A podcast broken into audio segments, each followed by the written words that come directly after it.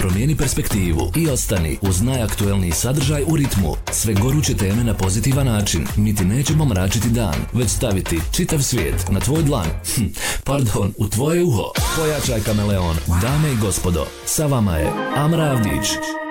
Dobar vam dan. Vi slušate i gledate Radio Kameleon i Internaut Show. Ono što je postalo popularno ovih dana na društvenim mrežama jeste jedna sjajna rečenica koju ponavljaju često ugledne influencerke i one kažu prvo ginekolog i stomatologa, tek onda pedikir, manikir i tako dalje i tako dalje. I to bi zaista u teoriji bili, bilo sjajno, međutim gdje smo kada je riječ o praksi? Novi trendovi donose i neke nove promjene, ali ono što je definitivno jako važna tema i meni je veliko zadovoljstvo što ima upravo ovog današnjeg gosta kojeg ću vrlo brzo predstaviti, jeste da pričamo o oralnoj higijeni i trendovima kada je riječ o stomatologiji. Moj današnji gost je gospodin Amir Huskanović, on je specijalista oralne hirurgije, vlasnik klinike Novodent. Dobro mi došli. Dobar dan, bolje vas našao i hvala na pozivu. Neistrpna je tema pred nama. Uh, I jako mi je drago da ste danas u našem studiju. Dobili smo mnoge preporuke da ste upravo vi stručna osoba o kojoj možemo pričati uh, o različitim temama koje sam negdje i u uvodu spomenula. Ali hajde nekako da krenemo oko onog čime se uvijek bavimo kroz ovaj internaut show. Šta je samoj stomatologiji donijela ta digitalizacija koja nevjerovatnom brzinom donosi promjene u našem životu? Pa evo, šta je u toj grani donijela upravo digitalizacija?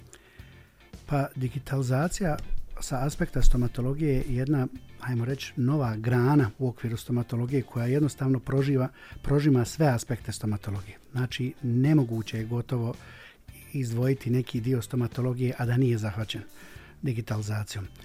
Donijela je puno toga boljeg za samog pacijenta.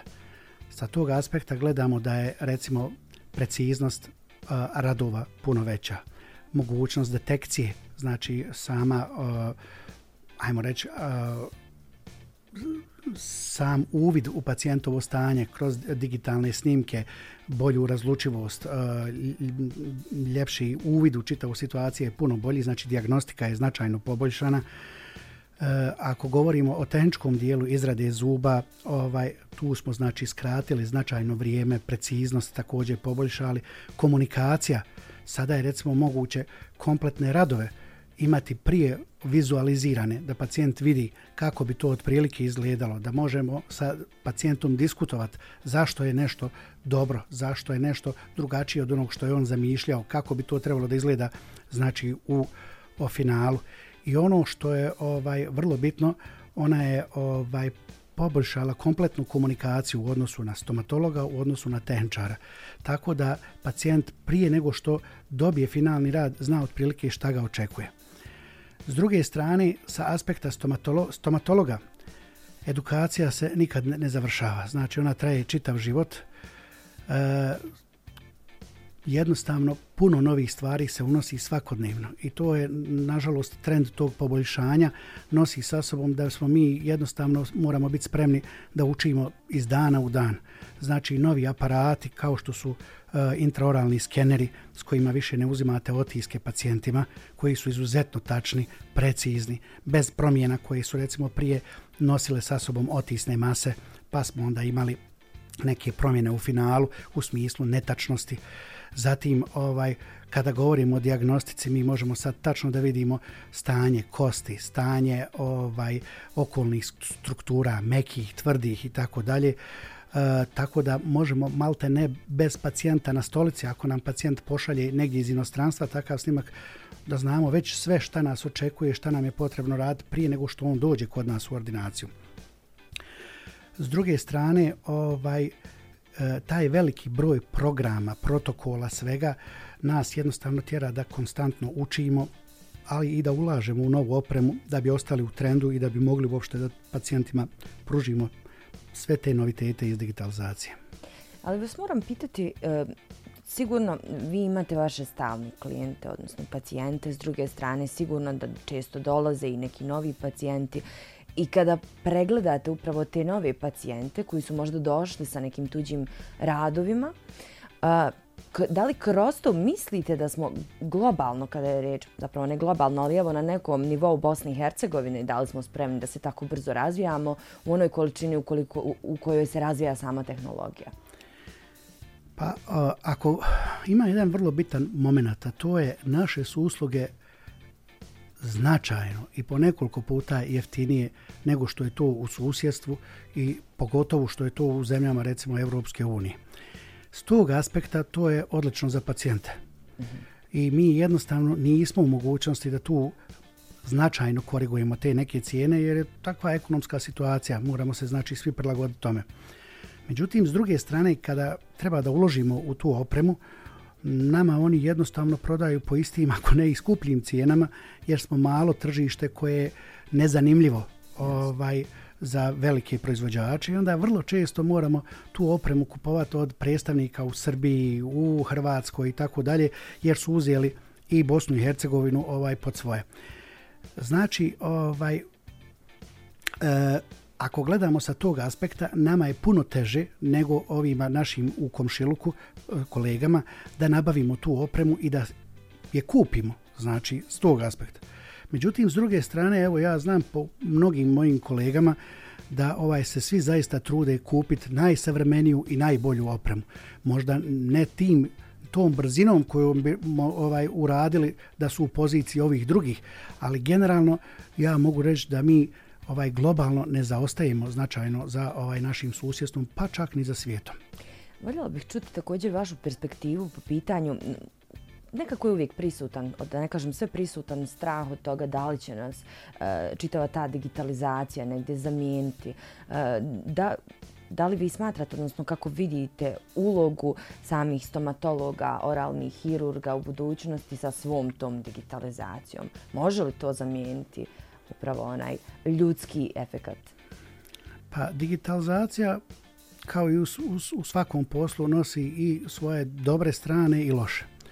Loše će vjerovatno biti u budućnosti gubitak radnih mjesta generalno sa aspekta digitalizacije. E, ja lično ne vidim sada ovaj mogućnost da e, nešto zamijeni stomatologa u potpunosti ako govorimo ovaj pa evo čak i, i telemedicina koja je hajmo reći zadnja riječ vezano za medicinu opet mora neko da upravlja s tim iz daljine. Yes. E, naravno to će sigurno u budućnosti redukovati broj ovaj radnih mjesta. Evo konkretno kada govorimo recimo o digitalizaciji s aspekta zubne tehnike e, pokazalo se da određene mašine kao što su metalni printeri, CAD-CAM uređaj, e, su smanjili značajno broj zaposlenih jer jedna mašina odradi posao za 6 do 10 ljudi. Znači, sa aspekta radnih mjesta, da, negativno. Kako će biti to sa aspekta samih stomatologa, jako je teško ovaj predvidjeti. Sigurno će i, i, i, s te strane djelovati, ali ovaj s druge strane da je donijela, kao što sam već naveo, eh, velike prednosti u diagnostici, što su benefiti za pacijente, u brzini, u tačnosti, to je neminovnost. E, napravili smo ovaj fini uvod, a sada bih voljela da pređemo na neke teme koje se tiču trendova na internetu. Internet i trendovi koje tamo pronalazimo nam prosto diktiraju uh, negdje i naše želje i percepciju toga kako želimo izgledati i dolazimo do uh, sve češće komentiranja ljudi trendova kada je riječ o, o, o oralnoj estetici, odnosno zubnoj estetici. Uh, I onda sam negdje pripremajući se za naš razgovor, dosta ljudi je kazalo pa danas svi izgledaju isto i da nas svi traže uh, jednak izgled tih uh, implantata. Um, šta vi mislite o tom trendu? Konkretno pričamo o tom trendu ekstremno velikih, ekstremno bijelih zuba. Želim čuti evo vaše mišljenje. Hm. Pa dobro, vidite da vam kažem, o ukusima se ne raspravlja. E, ja se svakodnevno susrećem sa raznim zahtjevima. Bilo bi teško ovo u jednu emisiju potrpati samo slučajeve. Ima tu od komičnih situacija do ovaj situacija gdje ostanete čitav dan zamišljeni ovaj nad idejom pacijenta i tako dalje. Naravno, ovaj puno na to utiče ajmo reći, e, e, educiranost samog pacijenta. Uh -huh postoje znači oni koji su povedeni trendovima i to danas imamo znači što kao što ste rekli ekstremno bijeli zubi bez lične personalizacije.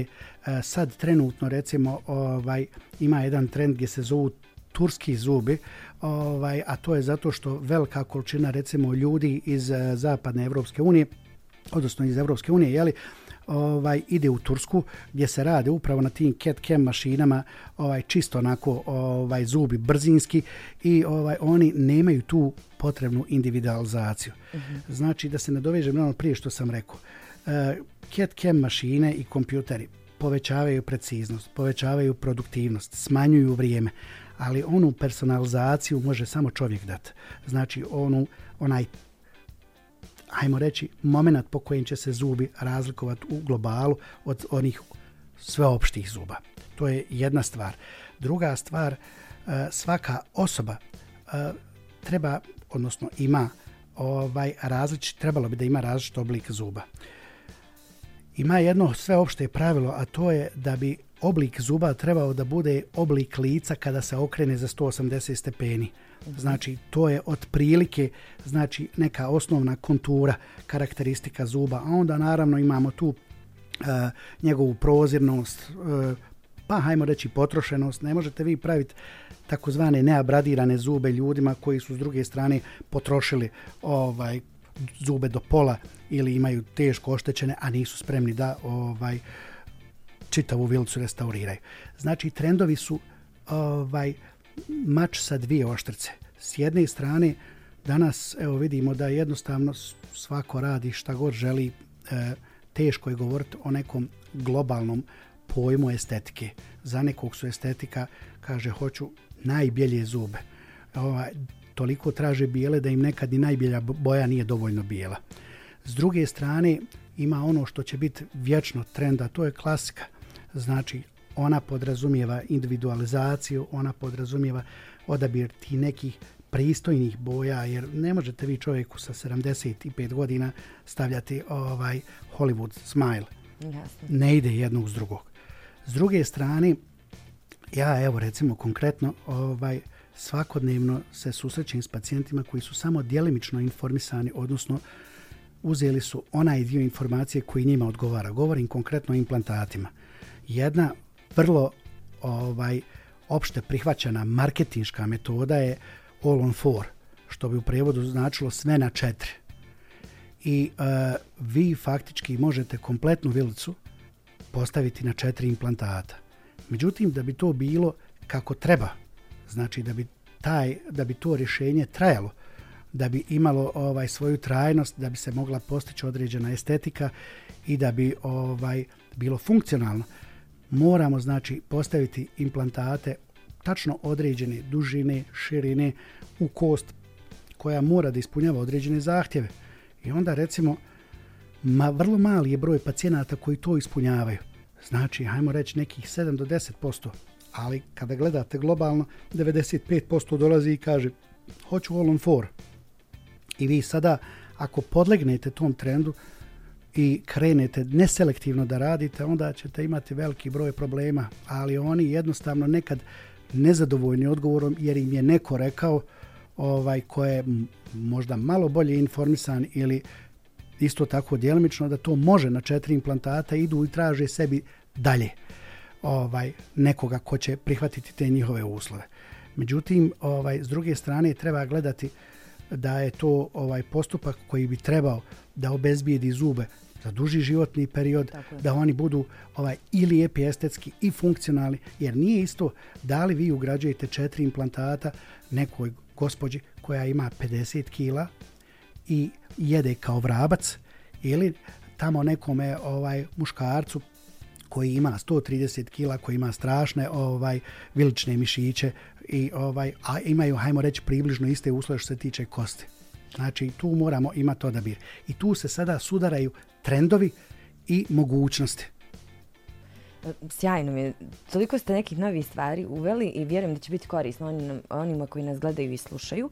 Ali ste spomenuli u jednom trenutku da dolazimo kao pacijenti često neinformisani. Odnosno, ja bih rekla, površno informisani na osnovu one estetike onoga što vidimo, a ne onog svega što je iza toga. Šta bismo kao pacijenti prije odabira, pa i samog stomatologa, klinike, osobe koja će raditi upravo sa nama na tom jednom kompleksnom procesu, o čemu bismo trebali sami sebe informisati? I evo šta je vaša preporuka kroz koje kanale, direktno, kroz internet, Evo, dajte mi prijedloge da možemo odmah nekako konkretno ponuditi rješenja onima koji nas gledaju. Pa vidite, e, većina pacijenata ima otprilike svog doktora kojim vjeruje.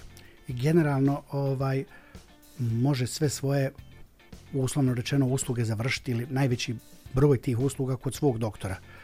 E, ja ne vidim recimo evo ja ako sam zadovoljan s frizerom ne vidim zašto bi ga mijenjao ovaj bez obzira ako je trend duga kosa ili ne znam već šta. E, o čemu govorim? Vrlo često je nažalost prvi parametar u odabiru doktora cijena. Mm -hmm. I to je ja s jedne strane shvatam ekonomski broj jedan razlog, međutim s druge strane ovaj to može biti vrlo pogrešan parametar. Vrlo pogrešan parametar jer ne možete vi ovaj jednostavno nekad u nekim okvirima uraditi nešto što je najbolje ako pacijent nije spreman da učestvuje u tome od početka do kraja. Jer, eh, evo konkretno, eh, bezmetalna keramika je recimo trenutno hit. Uh -huh. Ona ima svoje značajne prednosti. Prednosti se o, o, recimo o, ogledaju u tome da zubi izgledaju prirodnije, jer sama naša percepcija boje zuba se zasniva na ovaj biološko-mehančkim osobinama tih ovaj zuba. O čemu se naime radi? Kod metalne keramike vi imate metalno kućište i koje je presvučeno keramikom. I svjetlost kada prolazi jednostavno kroz keramiku, ono dolazi do metala i odbija se i vraća nazad.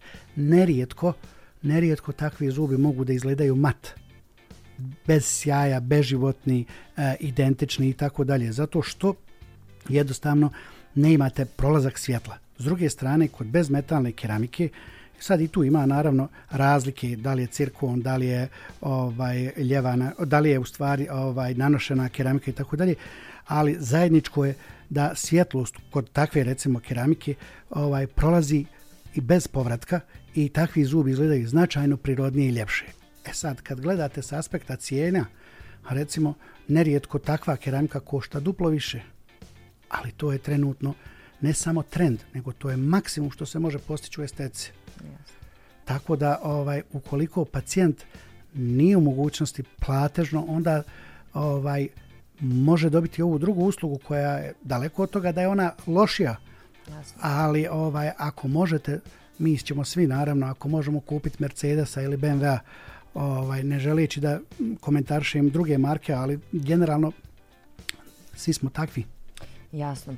Opet, s druge strane, evo kažem, ja se ne razumijem e, iz perspektive svog posla koje gradim, ne razumijem se u konkretnu razliku u cijenama, međutim, to je dugoročna investicija koja se direktno može odraziti na naše zdravlje, pa onda valjda želimo nekako najbolje za sebe. Uh, moram vas pitati, a, ovo je sada možda onako malo neobičnije pitanje, ali negdje je iskrsnulo među ljudima sa kojima sam razgovarala, da li još uvijek dolaze ljudi koji traže te takozvane zlatne zube? Ovako da vam kažem, svašta ljudi traže. E, nedavno smo imali pacijenta koji je tražio od bijelog zlata zube i to prednjih šest zuba sa ovaj cirkonima koji će da blješte i tako dalje. Ovaj, mi smo rekli da jednostavno to ne, ne možemo da uradimo jer ljevati zlato to je potrebna skroz druga tehnologija i tako dalje, ali to su recimo trendovi nekih američkih repera i tako mhm. dalje. Zlatni zubi se sad rijetko traže, ali traže pacijenti svakakve zube. Ovaj, Podijelite sa nama, molim vas. pa eto, ovaj, ima ih čak i koji kažu ja bi da stavim one keramičke koji se ne peru. tako da... Ovaj, U redu, To je sad, opet kažem, ponekad se malo nasmijete, ponekad je malo tužno, ali to je stvar percepcije, stvar opšte edukacije, ovaj znanja, pa na kraju krajeva i, i, i, i lifestyle-a.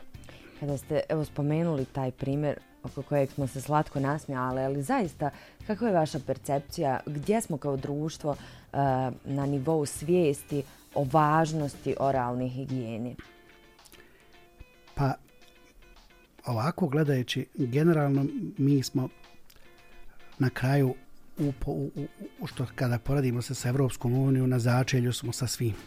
Pa ni stomatologija, nažalost, ovaj nema drugo mjesto ako gledamo oralnu higijenu. Uh, međutim, ako poredimo sa vremenima nekim, ajmo reći, uh, iz socijalizma i tamo ovaj 80. i 90. godina stanje se poboljšava. Poboljšava se na više, razl na više načina. E, između ostalog zbog interneta, e, jer se jednostavno zubi, kao što ste sami rekli, ovaj ginekolog, stomatolog i tako dalje, jednostavno ti neki trendovi ovaj su donijeli povećanje svijesti, ako ništa, kod ovih mlađih generacija. Druga stvar, ovaj, hajmo reći, usluge se poboljšavaju iz dana u dan, uslovi se poboljšavaju, još uvijek to nije na nivou, ne znam, Amerike ili Francuske. Ja moram čak reći da su mnoge naše ordinacije bolje nego u Njemačkoj.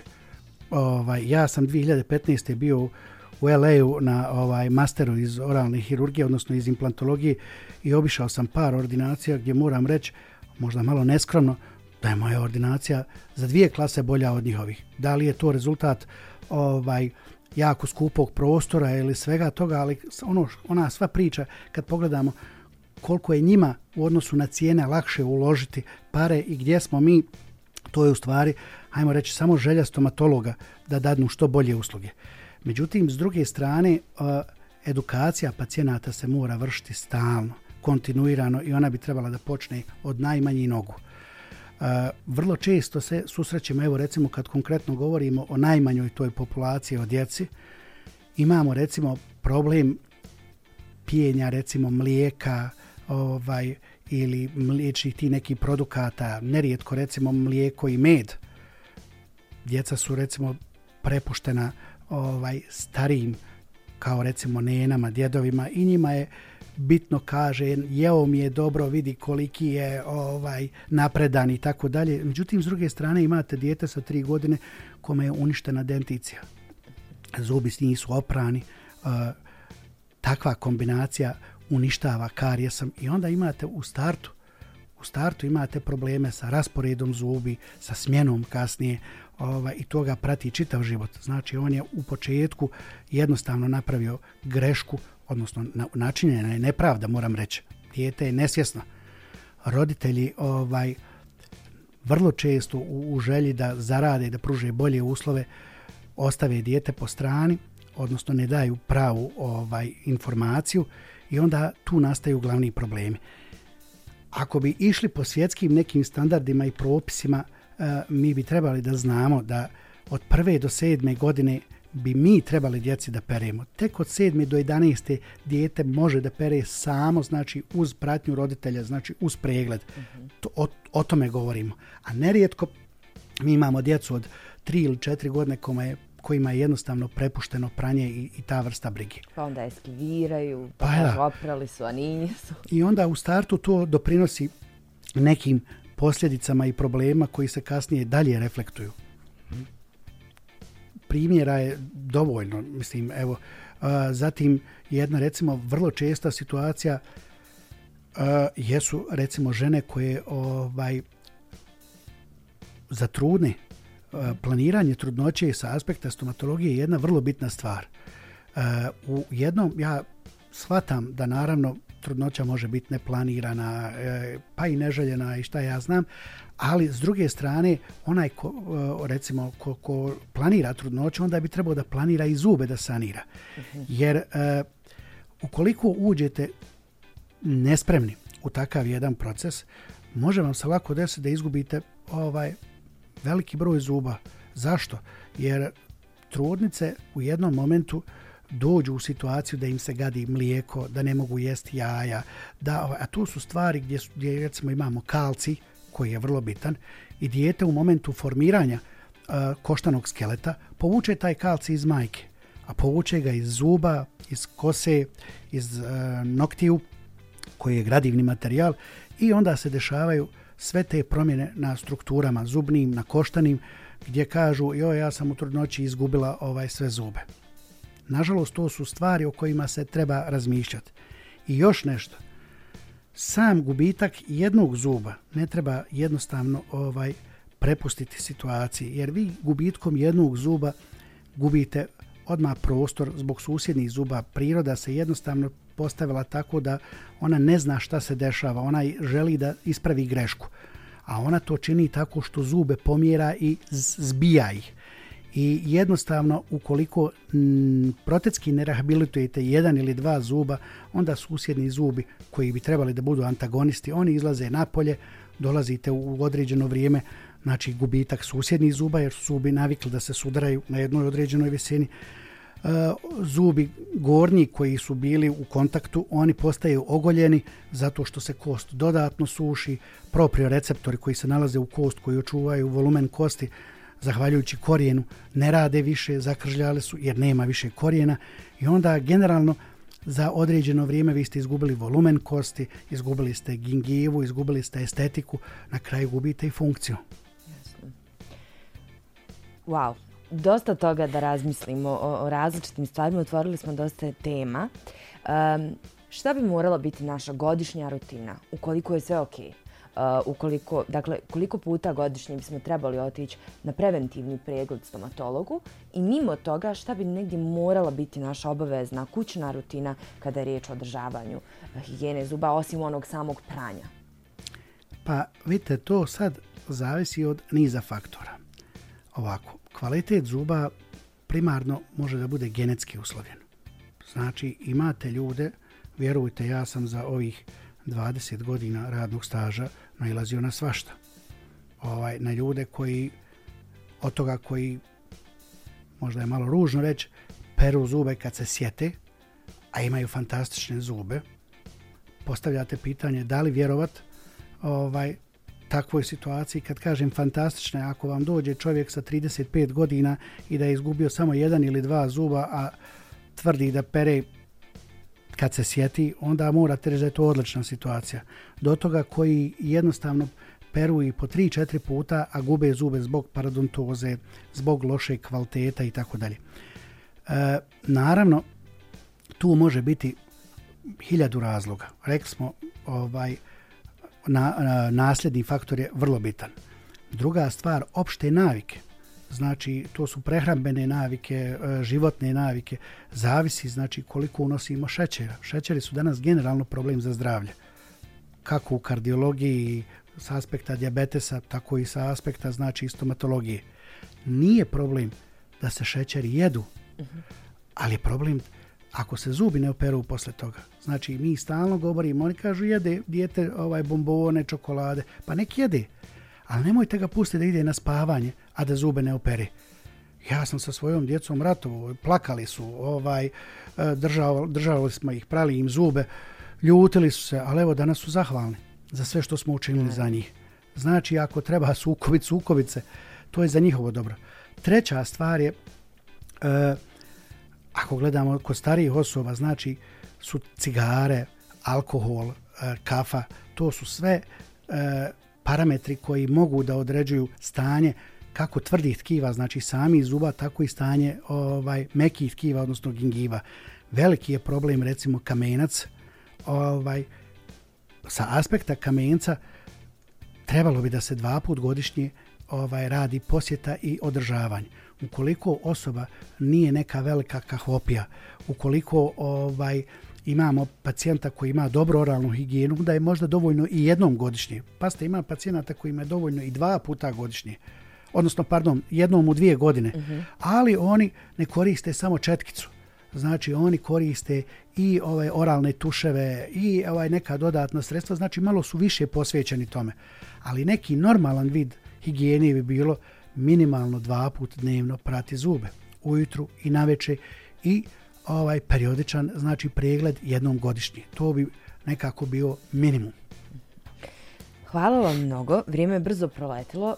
Kao sam i napomenula par puta, otvorili smo mnogo nekih tema koje bi se vrijedilo negdje posvetiti i malo duže i podrobnije, ali u svakom slučaju hvala vam mnogo što ste bili moj gost. Hvala vam na pozivu. Čuli ste, nadam se zapisali, ili eventualno vratite ovaj video u slučaju da nas gledate putem YouTube-a ili nas slušate putem Spotify-a, ali vjerujem da će biti i tekako korisno. Ostanite uz nas. Promijeni perspektivu i ostani uz najaktuelniji sadržaj u ritmu. Sve goruće teme na pozitivan način. Mi ti nećemo mračiti dan, već staviti čitav svijet na tvoj dlan. Hm, pardon, u tvoje uho. Pojačaj kameleon. Dame i gospodo, sa vama je Amra Avdić.